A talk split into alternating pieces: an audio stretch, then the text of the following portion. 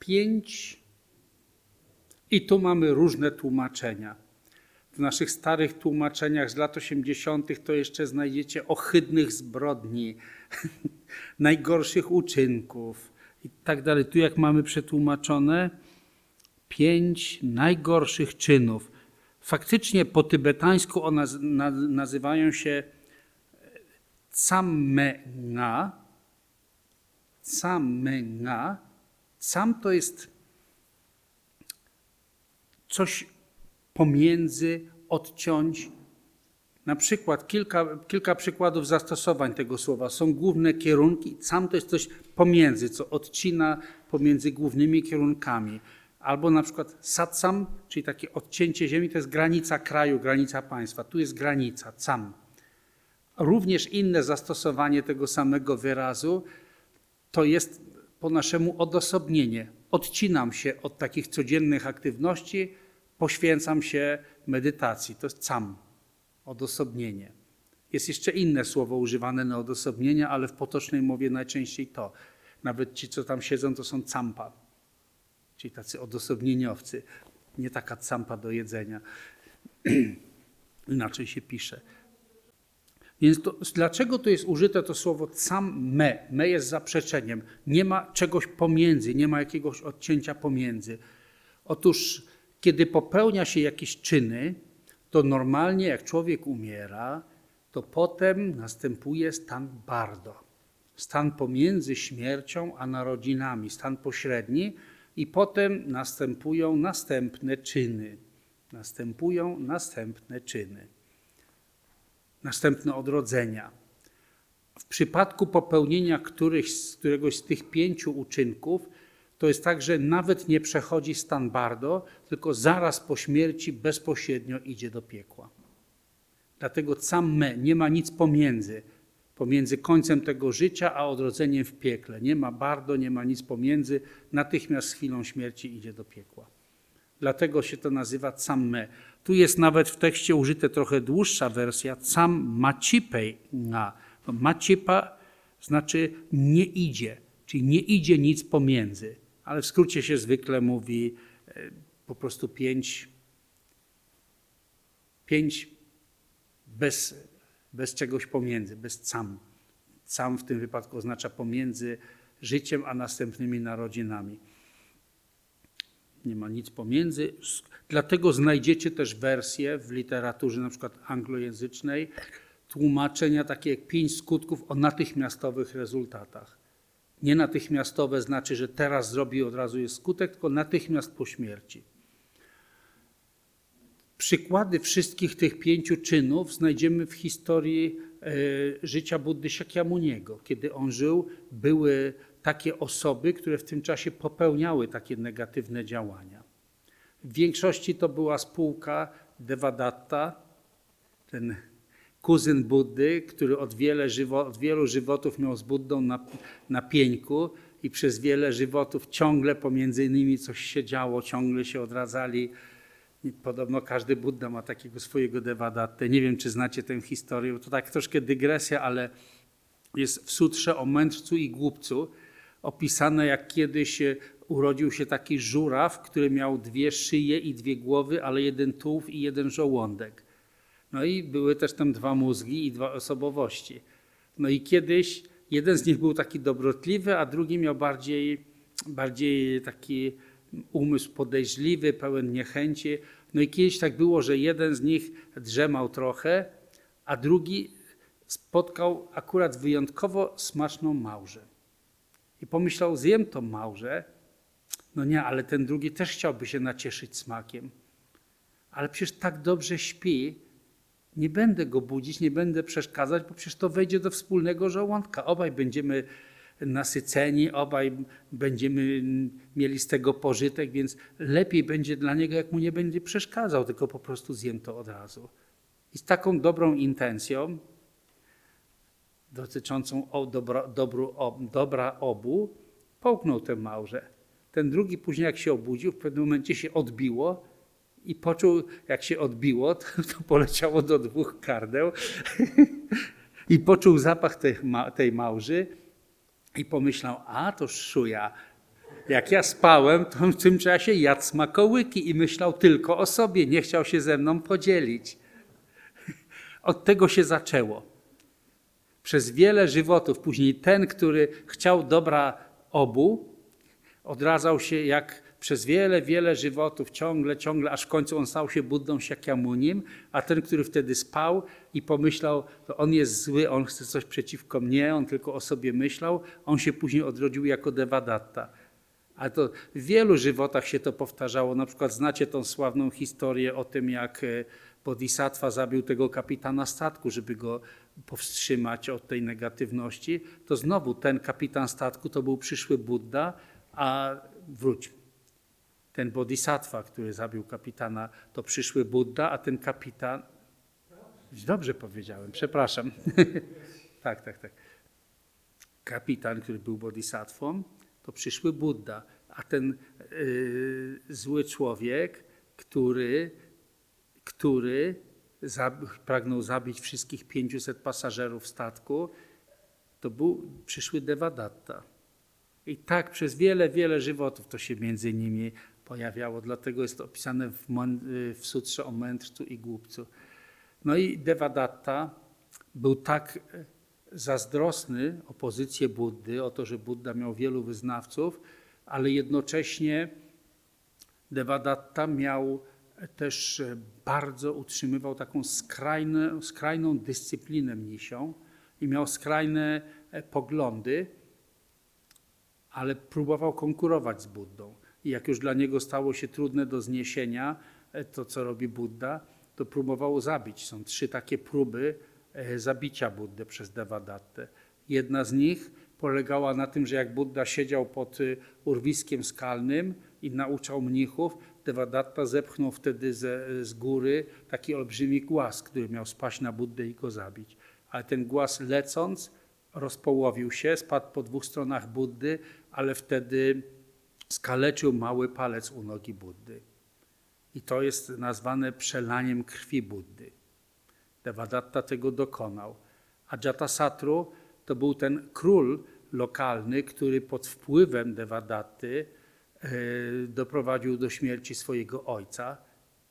Było ojcobóstwo, ojcobójstwo. Zresztą też doprowadził świadomie, no, zabił po prostu mniszkę, która była w dodatku archatem. Więc wśród tych pięciu najgorszych czynów to jest przelanie krwi Buddy, zabicie archata, zabicie ojca lub matki, to już jest trzy i cztery, bo ojciec, matka są osobno, i jako pięć to jest spowodowanie rozłamu w sandze, to znaczy konkretnie jak Devadatta odciągnął od Buddy grupę mnichów. Wpoił im takie poglądy, mówił, że Buddha się myli, żeby poszli za nim. To jest ten, ten rodzaj rozłamu. Odciągnięcie od Buddy części sangi. To jest takich pięć najgorszych negatywnych czynów, które prowadzą do skutków natychmiastowych. Devadatta zaraz po śmierci bezpośrednio udał się do piekieł. Mimo to w sutrze lotosowej, żeby już tak ktoś nie myślał, że na wieczne potępienie nie ma czegoś takiego w buddyzmie, kiedy jego negatywna karma się wyczerpie, w sutrze lotosowej Buddha Shakyamuni dał nawet przepowiednie, kiedy Devadatta osiągnie stan Buddy, jakie będzie miał imię, jakie będzie miał właściwości. I to jest przykład, że nawet ktoś tak negatywny, każda czująca istota posiada potencjał stanu Buddy, naturę Buddy i każda może i każda osiągnie kiedyś stan Buddy i w tym wypadku Shakyamuni dał nawet przepowiednie, kiedy Devadatta osiągnie przebudzenie. Także nie ma beznadziejnych przypadków. Tych pięć najgorszych czynów. Istnieje też takich pięć czynów, które są prawie tak złe, czyli tak jak mówi się, pięć takich prawie tak złych czynów. Wśród nich wymienia się nakłonienie mniszki, czy spowodowanie, żeby mniszka, która jest archatem, złamała swoje ślubowania. Ogólnie to jest e, sprawianie, doprowadzanie kogoś do złamania ślubowań jest e, bardzo negatywnym czynem, ale do tych takich e, najgorszych, tych prawie pięciu, pięciu prawie najgorszych, no to jest sprawienie, żeby mniszka archat złamała ślubowania. Dalej zabicie bodhisattwy, który jest na drodze do osiągnięcia stanu Buddy. Po trzecie, zabicie szlachetnej istoty, która jeszcze nie osiągnęła celu, ale jest już na ścieżce, więc na przykład jest kimś, kto tak zwany, kto wszedł w potok, że ma już tylko siedem żywotów do pełnego przebudzenia.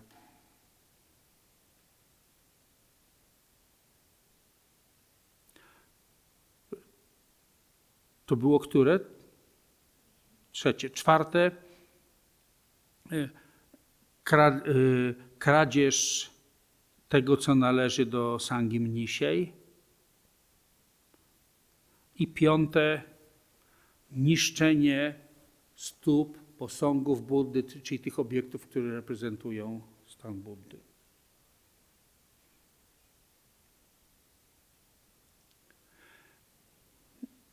Więc tutaj jest, popełniałem pięć najgorszych czynów, nakłaniałem do ich popełnienia, cieszyłem się z ich popełnienia. W momencie, kiedy przed chwilą mówiłem o tych pięciu najgorszych czynach, które e, działy się za czasów Buddy, mówiłem o zabiciu mniszki.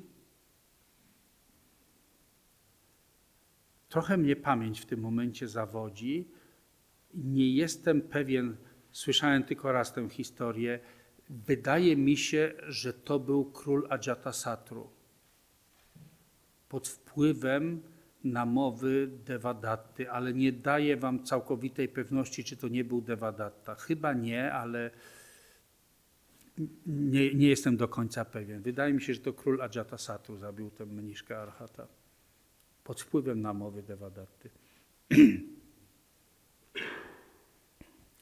Dalej sutra mówi, z pełnym przekonaniem wkroczyłem na ścieżkę dziesięciu negatywnych działań. Nakłaniałem do wkroczenia na nią lub cieszyłem się z wkroczenia na nią.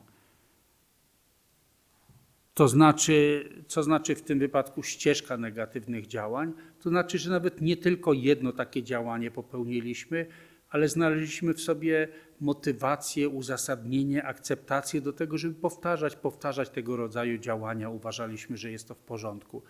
Jakie to jest 10 negatywnych działań? No, wydaje mi się, że w zasadzie w tym gronie to nawet nie ma potrzeby tego wyjaśniać, mimo wszystko to zrobię. Bo to jest prawie tak jak katechizm buddyjski. Wszyscy mówimy tak, 10 negatywnych działań to jest to, czego należy unikać. W końcu jedna z najbardziej, można powiedzieć, takich esencjonalnych e, wypowiedzi przedstawiająca nauki Buddy, to jest takie sławetne, można to właściwie jako motto w różnych miejscach, ośrodkach buddyjskich e, podawać. To jest unikać wszelkich negatywnych działań, czyli dikpa po tybetańsku. To jest to samo, co migeła. Unikać wszelkiego zła, nieraz to jest to tak tłumaczone, w sensie negatywnych działań. Geła, czyli te właśnie cnoty, prawe, szlachetne działania rozwijać tak dalece, jak to możliwe, oraz ujarzmić, czy też poskromić własny umysł. Oto nauka Buddy. W tym zawiera się cała nauka Buddy. To jest znana historia. Znowu niestety moja pamięć zawodzi w tej chwili imiona któryś z tych, co był najbliższymi uczniami Buddy. Czy to nie był Mahakasiapa? Który Mahakasiapa albo Shariputra.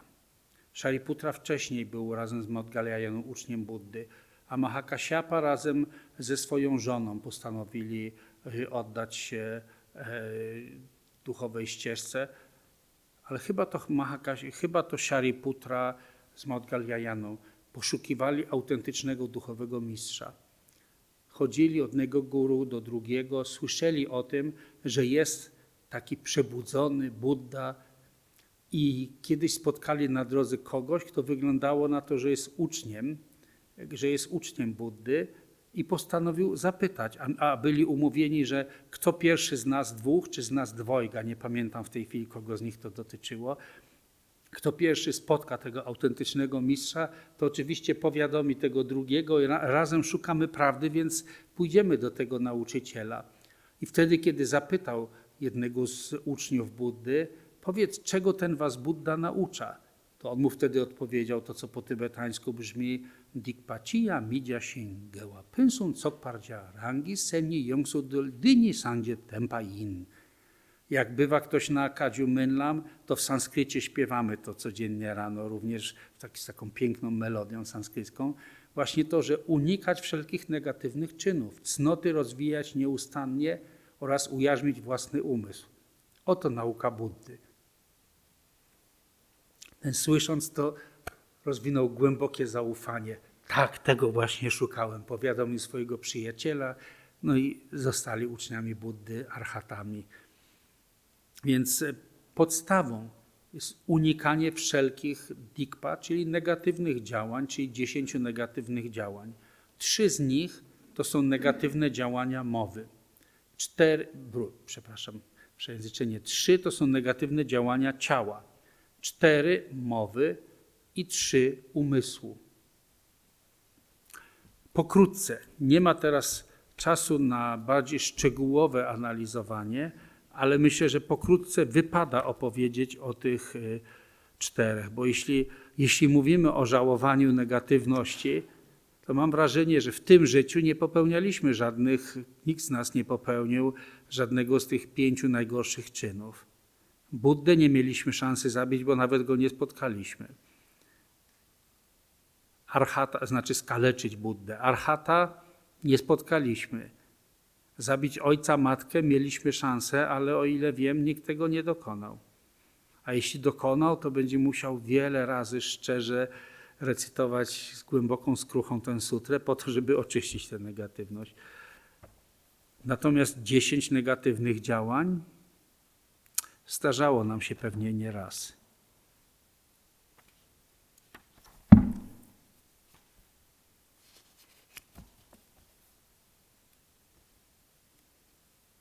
Dlatego otwieram tekst Gampopy, bo opierając się na nim, ale znowu nie będzie to pełen szczegółowy wykład, tylko takie podsumowanie czy też skrócenie.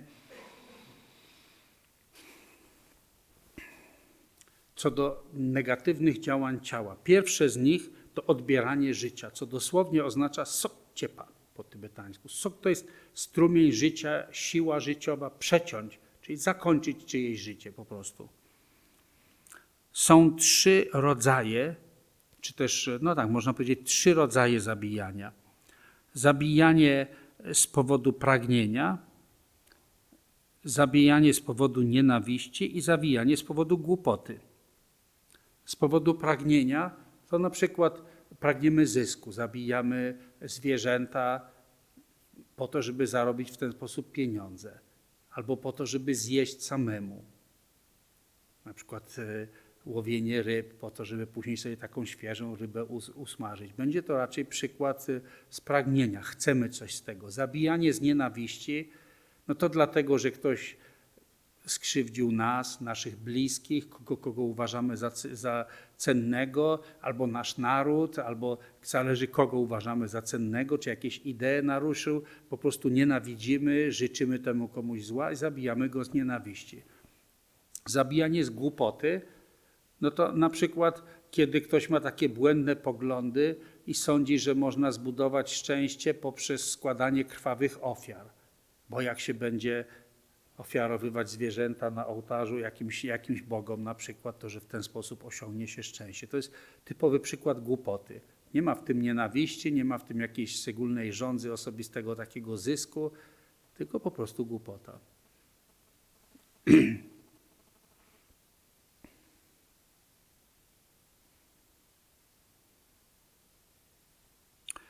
Co do skutków karmicznych zabijania, otóż kiedy mówi się o skutkach, to ogólnie w naukach, w szczególności w naukach abidarmy, na przykład Vasubandhu Abhidharma Kosia dokładnie to przedstawia, mówi się o trzech rodzajach rezultatów. Pierwsze to jest w pełni dojrzały rezultat, czyli dana karma tak całkowicie się zamanifestuje, taki pełny owoc.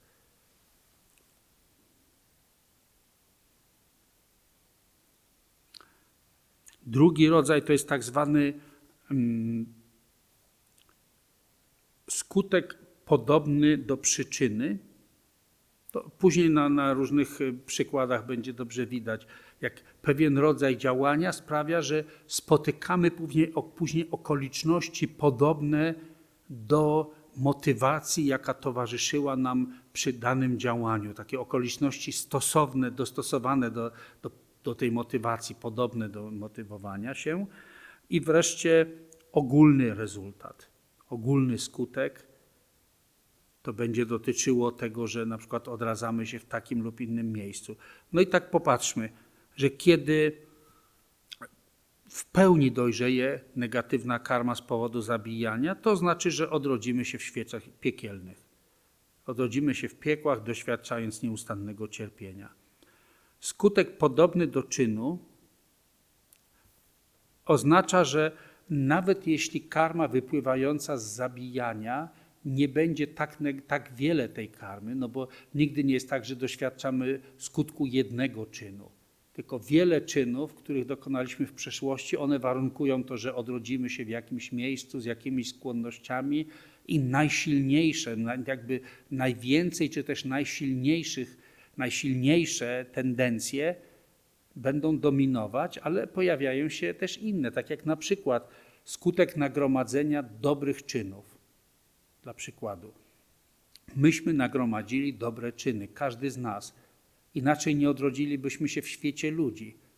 W takim kraju, w którym nie mamy ciężkich klęsk żywiołowych, za naszego życia nikt nas nie doświadczył tutaj bombardowania, wojny bezpośrednio. Nie mieliśmy jakichś ciężkich epidemii, takie, które bywały w innych krajach, gdzie duży procent populacji na przykład umierał. Jesteśmy w stosunkowo szczęśliwym miejscu samsary. Co więcej, spotkaliśmy nauki darmy. Większość z Was wygląda na całkiem zdrowych, dobrze odżywionych, nie musicie spać na ulicy, żebrząc o jedzenie, więc to wszystko wskazuje na to, że nagromadziliśmy wielką ilość zasług. A jednak dojrzewa również negatywna karma. Czasem chorujemy, czasem spotykamy nieprzyjaznych ludzi, czasem słyszymy nieprzyjemne rzeczy, doświadczamy różnych trudności. To jest przykład tego, że i dobra, i zła karma dojrzewa, ale w naszym przypadku dominuje ta dobra karma. A co to znaczy, że skutek podobny do przyczyny, że nawet jeśli odrodzimy się w ludzkim świecie, to życie będzie krótkie i będziemy doświadczać wiele chorób. Taki jest skutek zabijania.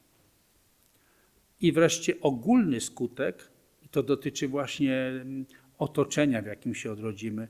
Ogólny skutek będzie taki, że ktoś urodzi się w takim mm, e, niewygodnym miejscu, gdzie jest wiele, wiele trudów, takie, takie miejsce, w którym może być wiele niebezpieczeństw, na przykład urwisk, trudno zdobyć wygody i tak dalej. Takie będą skutki zabijania.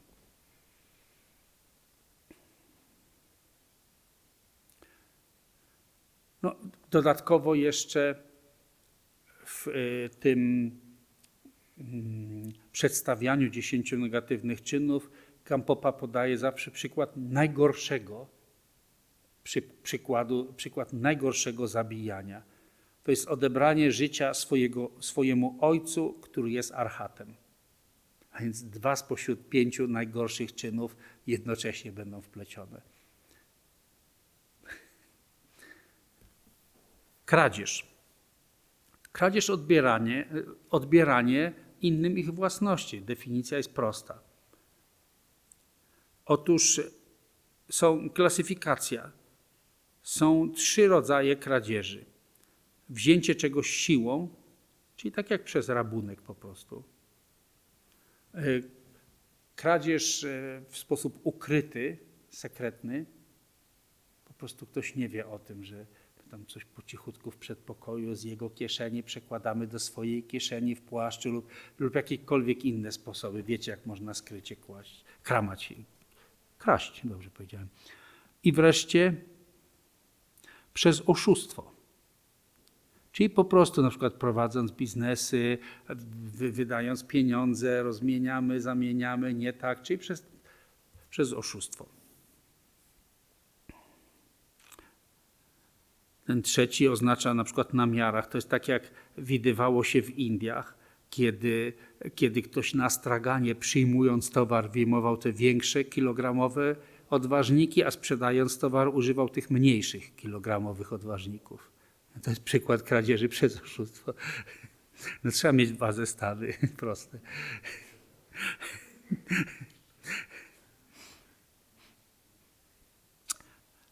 Jeśli chodzi o trzy rezultaty, jeśli w pełni dojrzeje taka karma, karma poprzez kradzież, to ktoś odrodzi się jako głodny duch. Skutek podobny do czynu będzie taki, że nawet jeśli ktoś odrodzi się jako człowiek, to na skutek e, kradzieży w poprzednich żywotach będzie zawsze miał niedostatek. Zawsze będzie miał za mało, albo nawet jak uda mu się coś zdobyć, to będzie tracił, a to go oszukają, a to go okradną, a to mu się coś nie uda, coś, coś mu źle wyjdzie w interesach i zawsze, zawsze będzie miał za mało na skutek kradzieży. Ogólny skutek będzie taki, że urodzi się w takim miejscu, gdzie jest na przykład e, więcej przymrozków, które sprawiają, że na przykład pracujesz, pracujesz, pracujesz, myślisz, już przyjdą żniwa, pach, wszystko zniszczone przez przymrozki albo gradobicie. I wreszcie najgorszym rodzajem kradzieży jest okraść swojego duchowego mistrza albo trzy klejnoty. Trzeci rodzaj, ile razy dochodzimy do omawiania tego, to zawsze najwięcej dyskusji i pytań szczegółowych. Dzisiaj nie ma na to czasu. Nie będę, nie będę pozwalać na szczegółowe mm, analizowanie tematu seksualnych nadużyć. Dosłownie gdyby patrzeć z tybetańskiego, to jest e, dype lokpar, czyli lok to jest takie błędne, niewłaściwe ulokowanie swojego dypa, czyli pożądania. Czyli takie niewłaściwie ulokowane, niewłaściwie pokierowane e, pożądanie czy pragnienie. Są trzy rodzaje niewłaściwych działań seksualnych. dla, w odniesieniu do tych, którzy są chronieni, to co jest niewłaściwe słowo, jak tak się dosłownie przetłumaczy, chronieni przez rodzinę, to chodzi o to, że e, bliskie pokrewieństwo. To od zawsze było i we wszystkich kulturach nie będziemy prowadzić analizy, dlaczego różne rodzaje kazirodztwa nieakceptowane. Drugie oznacza z kolei e, kiedy ktoś, czyli pierwsze rodzina, drugie przez. też jak dosłownie przetłumaczyć, to by bardzo źle brzmiało po polsku. W sensie tak jak pana czy, posiada, pana czy posiadanie, że tak jakby ktoś jest posiadany przez kogoś. Chodzi o to, że ktoś jest w relacji z kimś innym i podkradanie po prostu partnera. Rozbijanie relacji, rozbijanie związków. To jest w tym sensie. I wreszcie, czyli inaczej mówiąc, że ktoś nie posiada takiej, nazwijmy to, wolności do, do, prowadzenia, e, do prowadzenia działań seksualnych, czy jak chcemy to nazwać. Nie jest osobą wolną. I wreszcie trzecie, to jest z kolei ochraniany przez darmę, to oznacza na przykład, kiedy ktoś przyjmie ślubowania celibatu. Czy dotyczy to wyświęconych mnichów czy mniszek, czy na przykład chociażby niedługo będzie tutaj praktyka niungne, i ci, którzy ją będą wykonywać, przyjmują ślubowania 24-godzinne, ślubowania celibatu. I w tym momencie doprowadzenie kogoś do złamania ślubowań, spółkowanie, czy to jest spółkowanie, to brzydkie słowo. Odbywanie stosunków seksualnym z kimś, kto przyjął ślubowania, jest negatywnym działaniem.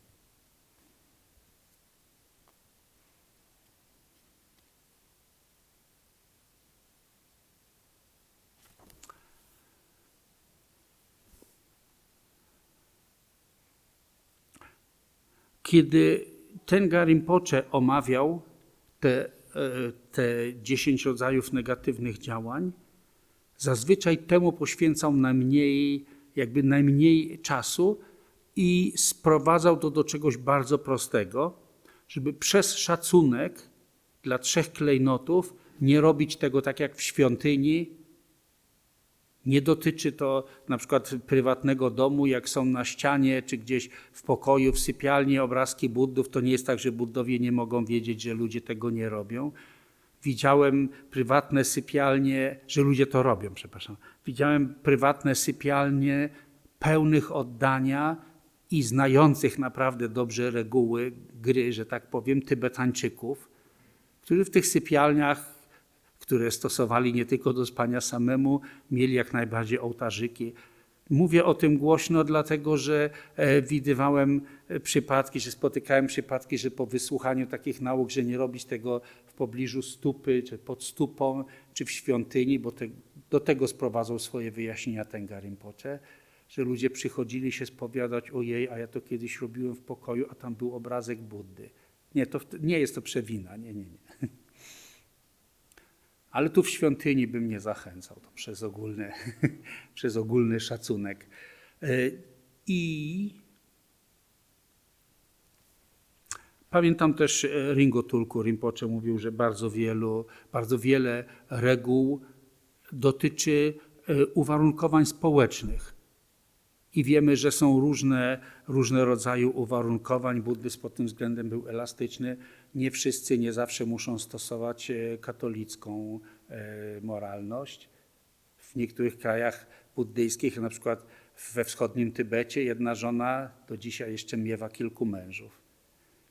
Pamiętam jeden z rimpoczów, który pochodzi z Butanu, opowiadał, że na przykład we wschodnim Butanie, przynajmniej jeszcze do niedawna tak było, że jak dziewczyna z chłopakiem się spotkała, i, i było im miło, to nie było bardziej zobowiązujące niż to, że zaprosić kogoś na herbatę. I to też jest kraj, w którym, w którym była darma, więc, ale to nie oznacza, że my musimy te reguły stosować. Też tak nie, nie rozummy tego. Chciałem powiedzieć dlatego, żeby nie wchodzić w takie szczegóły, ten Garim Pocze mówił, nie w świątyni czy bezpośrednio pod stupą. Idziemy dalej.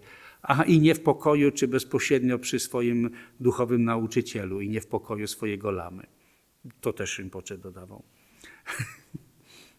Dalej, no chyba, że to było akurat z tym lamą. Tak? to inny temat. Mówiłem, że ten temat zawsze wywołuje najwięcej tak śmiechów, uśmiechów, pytań. Nie dopuszczamy na razie pytań, nie ma na tyle czasu. Teraz cztery, a nie, przepraszam, skutki. Kiedy w pełni karma dojrzeje, to jest bardzo łatwe do zrozumienia.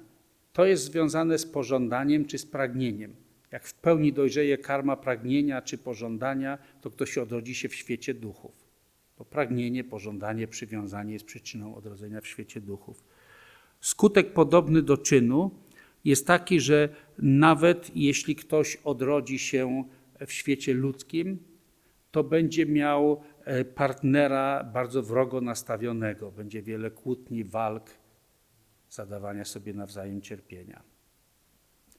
I wreszcie ogólny skutek jest taki, że ktoś urodzi się w miejscu, w którym jest więcej kurzu niż zwykle. Pyłu i kurzu. Sahara mówisz, a Indie? Dobra. Teraz to były trzy negatywne działania ciała mowy, cztery negatywne działania mowy. Klasyfikacja. Duchowe kłamstwa, wielkie kłamstwa, małe kłamstwa. To pierwsze, tak zwane duchowe kłamstwo, jest uważane za najgorsze. To jest przypisywanie sobie jakichś e, duchowych właściwości, których się nie posiada. Na przykład okłamywanie innych, że się osiągnęło wgląd, że się ma jakieś wizje buddów, bodhisattvów, od nich ma się specjalne inspiracje i nauki. Dlaczego to jest najgorszy rodzaj kłamstwa? Dlatego, że innymi rodzajami kłamstwa możemy zaszkodzić komuś w tym życiu. Nawet z powodu naszego kłamstwa możemy sprowadzić na, kogo, sprowadzić na kogoś śmierć. Ale jeśli będziemy kłamać na temat swoich duchowych osiągnięć, możemy sprawić, że inni rozwiną w nas zaufanie. Jak ślepiec ślepca prowadzi, to wiecie, że obaj wpadną do rowu. Możemy kogoś prowadzić na jakąś błędną, e, niedoskonałą ścieżkę, z powodu której będzie cierpiał w kolejnych narodzinach. Dlatego, ze względu na to, że skutki tego mogą być tak negatywne, jest to uważane za najgorsze kłamstwo. Drugi rodzaj to duże kłamstwo, to jest takie kłamstwo z intencją szkodzenia komuś, na przykład, żeby się zemścić, albo z intencją przyniesienia, takiego ochronienia siebie czy przyniesienia sobie pożytku. Na przykład zrobiliśmy coś złego, ale boimy się skutków i zwalamy winę na kogoś innego. I dla ochronienia siebie mówimy, że to nie, ale to on zrobił i on będzie z naszego powodu cierpiał. Nie musi być w tym nienawiści i chęci zaszkodzenia komuś, tylko obawa o siebie. I to jest wielkie kłamstwo. I później małe kłamstwa.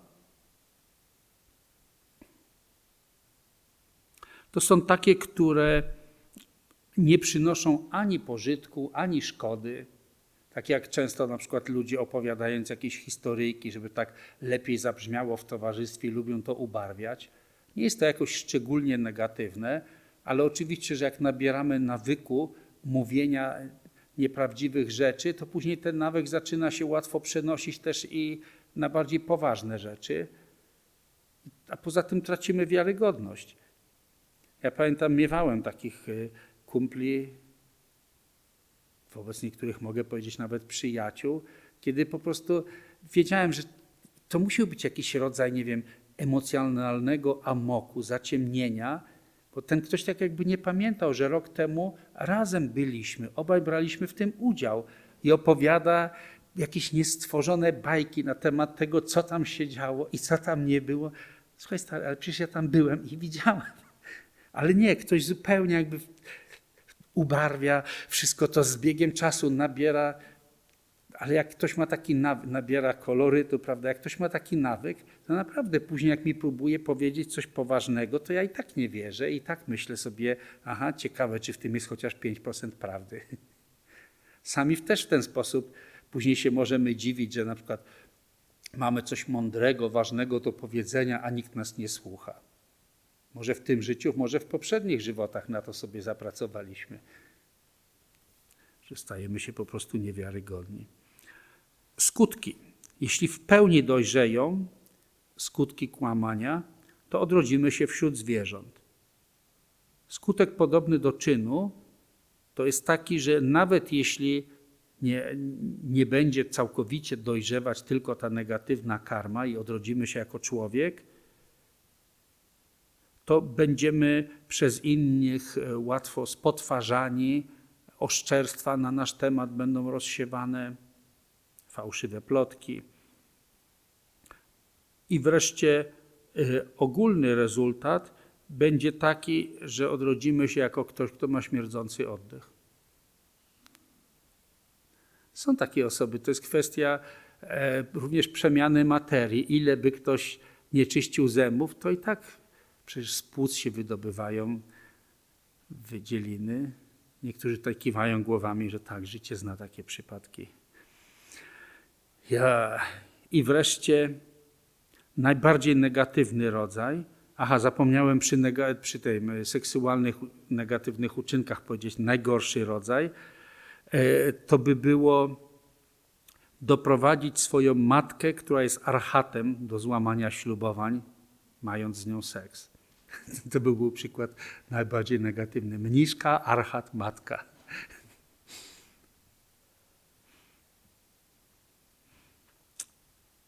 A w przypadku kłamstwa najbardziej negatywne działanie to by było oszczerstwa, szerzyć oszczerstwa, czyli kłamać na temat Buddy albo okłamywać swojego duchowego mistrza.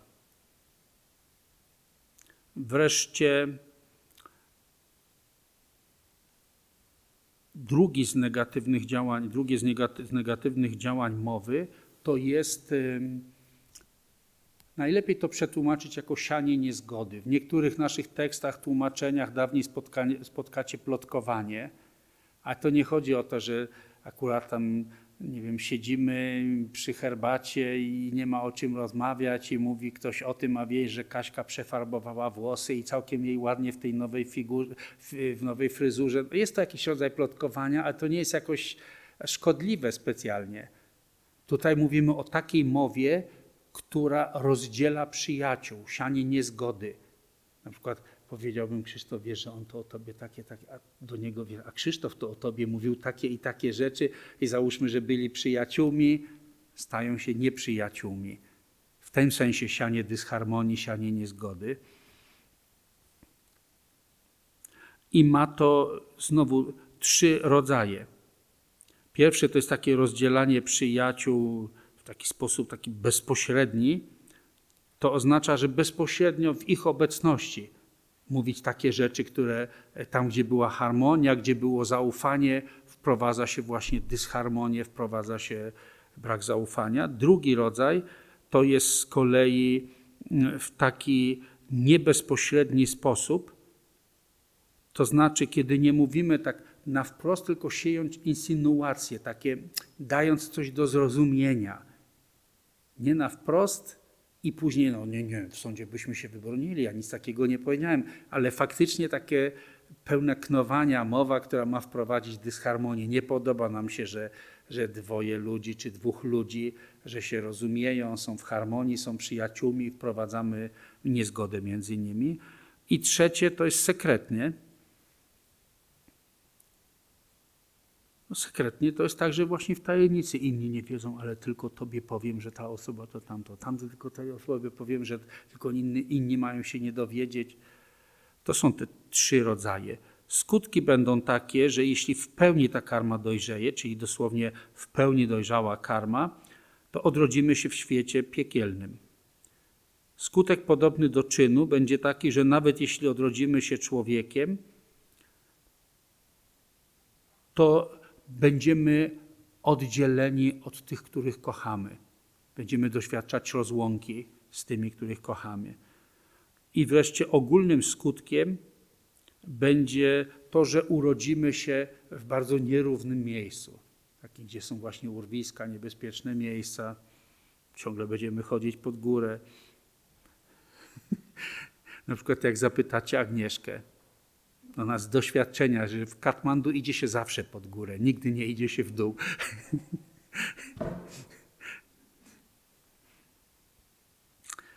Dalej, najbardziej negatywnym czynem takiej mowy jest e, właśnie taka mowa, poprzez którą wprowadza się rozdział w szlachetnej, w szlachetnej sandze. Wprowadza się rozdział w, w sandze. Wreszcie trzeci rodzaj negatywny, negatywnego działania mowy to, są, to jest szorstka mowa. Szorstka mowa w znaczeniu takie słowa, które ranią uczucia innych. I znowu są tutaj e, trzy rodzaje. Bezpośrednie. Bezpośrednio to znaczy tak na wprost wytykać komuś błędy. Ty łysy grubasie na przykład. No nie wiem, czy to jest szczególny błąd, ale, ale takie rzeczy, które sprawiają komuś być może przykrość, albo na przykład dowiadujemy się o jakichś, o, o jakichś e, takich skrywanych kogoś słabościach i też tak na wprost przy wszystkich mówimy, ty to jesteś takim słabym człowiekiem, który robi takie i takie rzeczy. Drugie to jest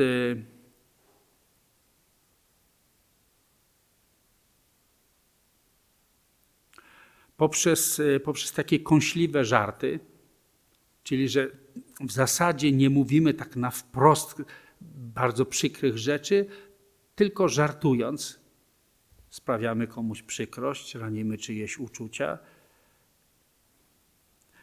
Wiecie, jest stare powiedzenie, które mówi, że język nie jest ostry, ale potrafi gorzej ranić niż nóż. I wreszcie trzecie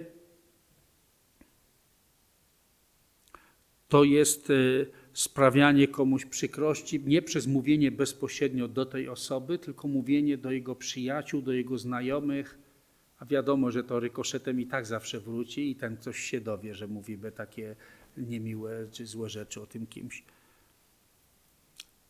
Jeśli w pełni dojrzeje taka karma, w pełni dojrzeje, to odrodzimy się w piekle. Skutek podobny do przyczyny to jest taki, że nawet jeśli odrodzimy się w świecie ludzkim, to będziemy słyszeć wiele nieprzyjemnych e, wiadomości o nas, wiele złych rzeczy o nas będzie mówionych. I ogólny skutek będzie taki, że urodzimy się w takim suchym, gorącym miejscu, gdzie będzie więcej złoczyńców niż zwykle najbardziej negatywny rodzaj używania takich, e, takiej raniącej mowy to jest e, mówić takie rzeczy, ranić swoich rodziców albo kogoś ze szlachetnej sangi. Przy czym, co rozumiecie, czy rozumiemy przez słowo szlachetni? Szlachetni to są ci, którzy osiągnęli jakiś rezultat. W przypadku bodhisatwów są przynajmniej na pierwszym poziomie bodhisattwy albo w przypadku e, ścieżki prowadzącej tylko do własnego wyzwolenia, to ten, który wszedł w potok, albo raz powracający, niepowracający lub archat. Jeśli kogoś z takich szlachetnych bodhisattwów albo tych szlachetnych ze ścieżki Hinayany, wobec nich używa się takich słów, to jest najgorsza negatywna karma. Wreszcie czwarte negatywne działanie mowy to jest e, bezmyślna paplanina, czy po prostu gadulstwo paplanina. Znowu są trzy rodzaje.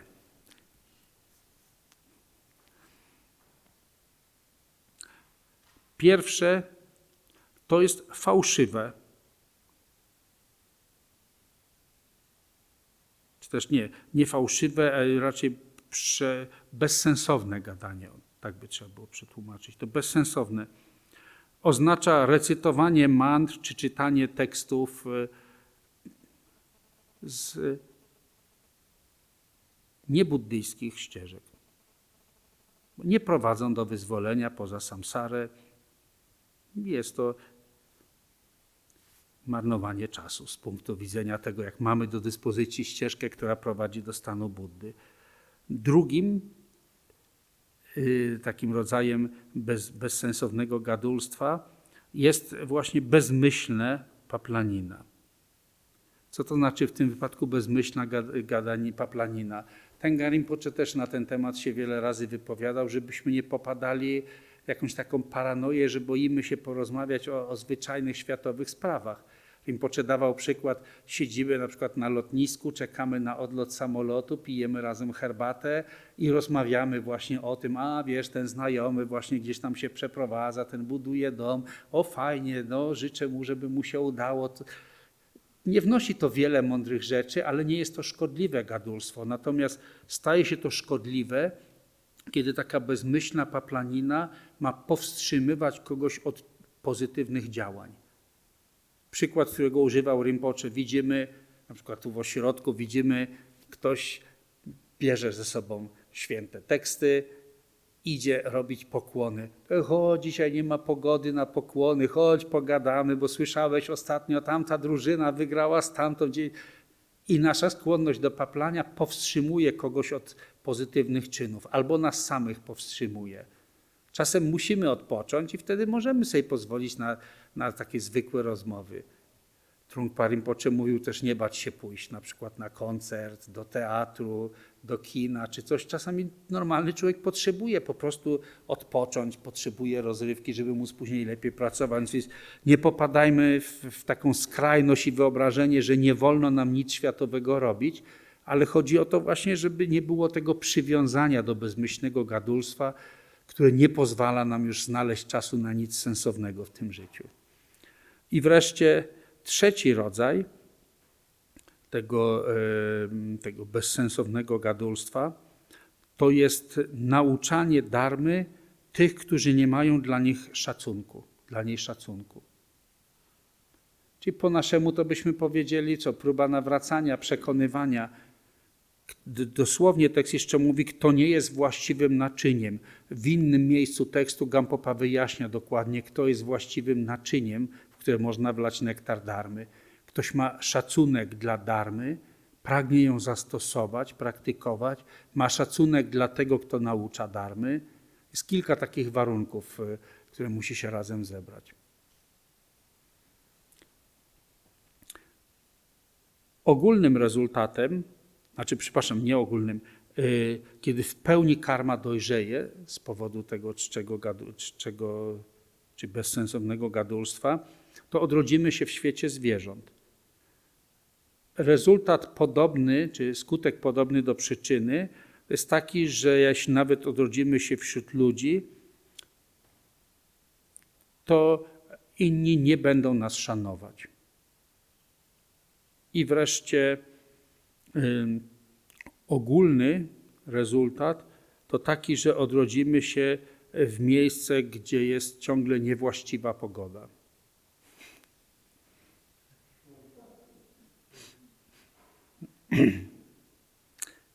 Najgorszy przykład negatywnego, negatyw, czy tego bezsensownego gadulstwa to jest właśnie powstrzymywanie kogoś od praktykowania darmy poprzez bezsensowne gadulstwo. I teraz trzy postawy umysłu. Trzy postawy umysłu. Pierwsza z nich to jest e,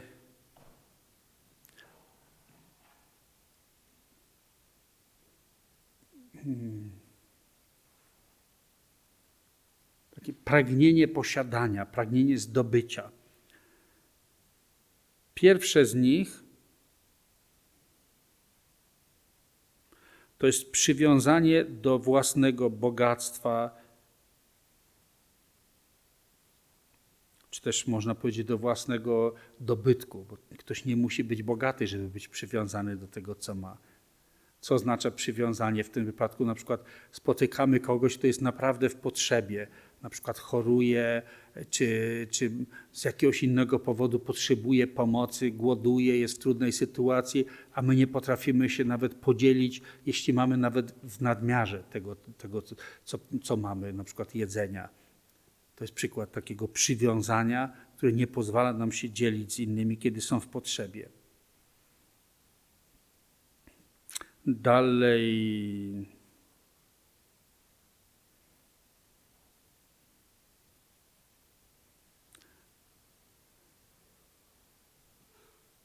Drugi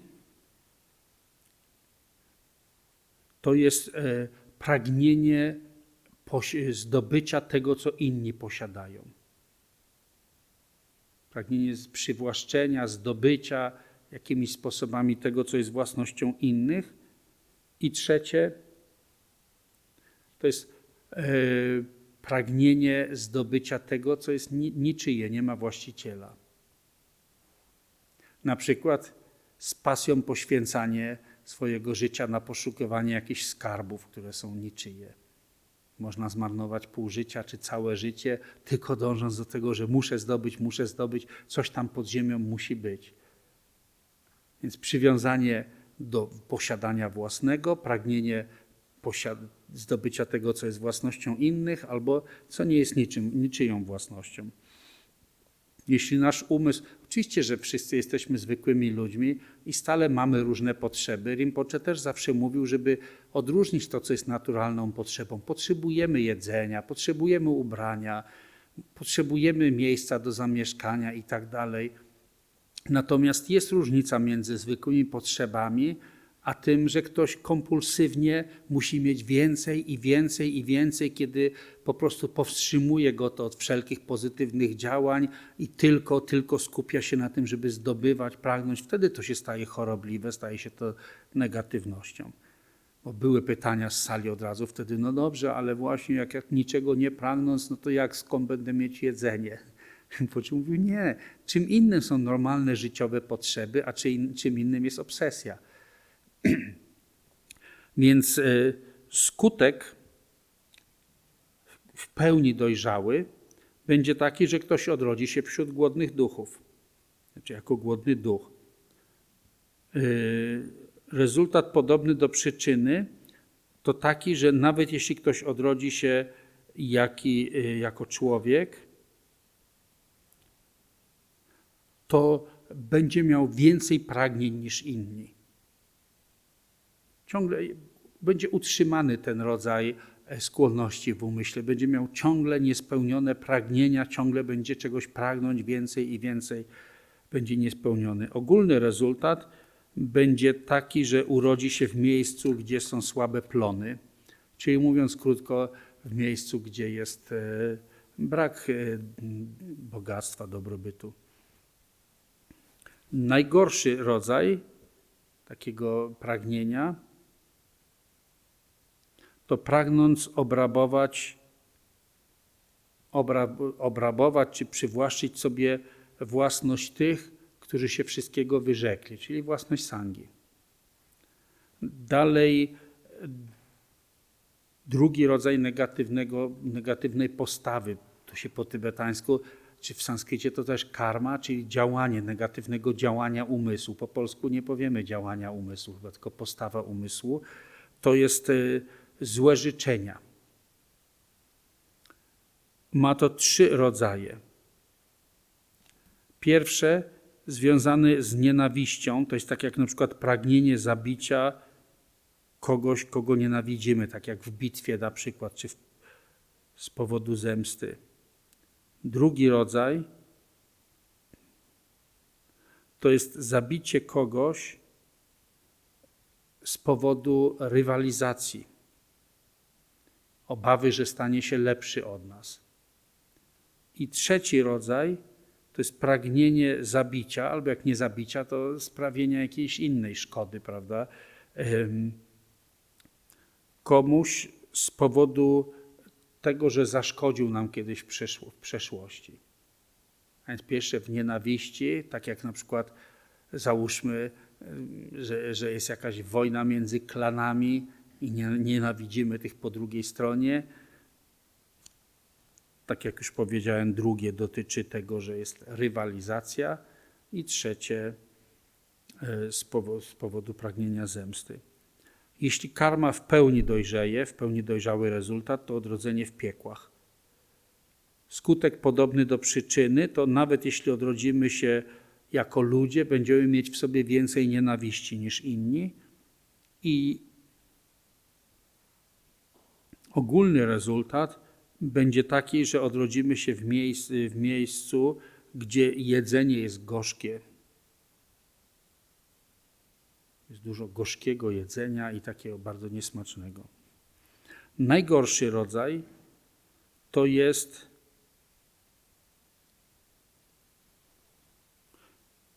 posiadać myśli, skłaniające nas do popełnienia któregoś z pięciu najgorszych negatywnych czynów. I wreszcie ostatnie to jest e, dziesięć, dziesiąte spośród tych dziesięciu to są błędne poglądy. Mamy trzy rodzaje błędnych poglądów. Pierwszy to jest błędny pogląd na temat przyczyn i skutków, czyli na temat karmy. To znaczy niewiara w to, czy y, posiadanie przekonania, że nie jest tak, że szczęście wypływa z pozytywnych działań, a cierpienie z negatywnych działań. Czyli wiara w to, że można sobie zbudować szczęście negatywnymi działaniami. na przykład zabijając innych pozbawimy się kłopotu, rabując innych zdobędziemy dobrobyt i będzie nam dobrze. Brak wiary, mówiąc inaczej, właśnie w prawo, w prawo karmy. To jest pierwszy przykład błędnych poglądów. Drugi oznacza mm, brak zaufania w dwie, w dwie spośród czterech szlachetnych prawd, czyli niewiara w to, że prawda o ścieżce prowadzi do prawdy o wygaśnięciu.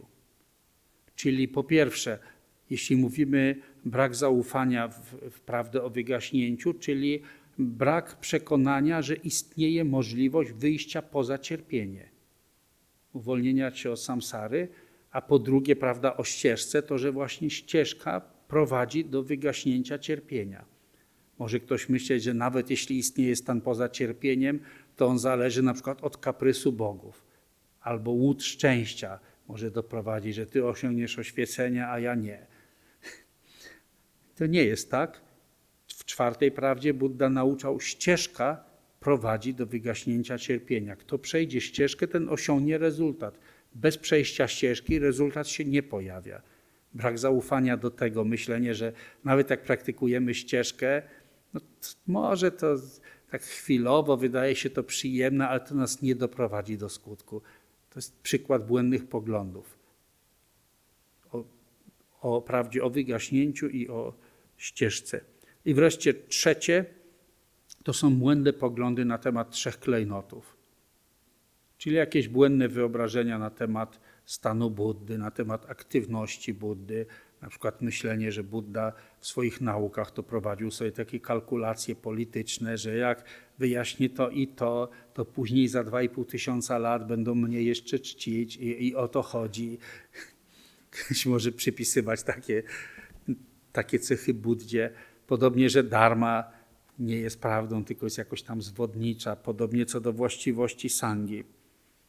Ogólnie mówiąc, kiedy całkowicie dojrzeją skutki błędnych poglądów, to odrodzimy się wśród zwierząt.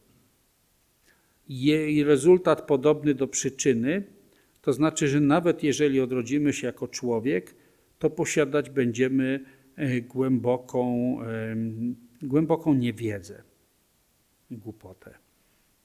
I wreszcie e, ogólny rezultat będzie taki, że odrodzimy się w miejscu, którym praktycznie nie ma żniw. Znaczy jest bieda, nędza. Najbardziej negatywnym, błędnym czynem jest różne sposoby tłumaczenia, a najchętniej to bym powiedział tak dosadnie wulgarny realizm.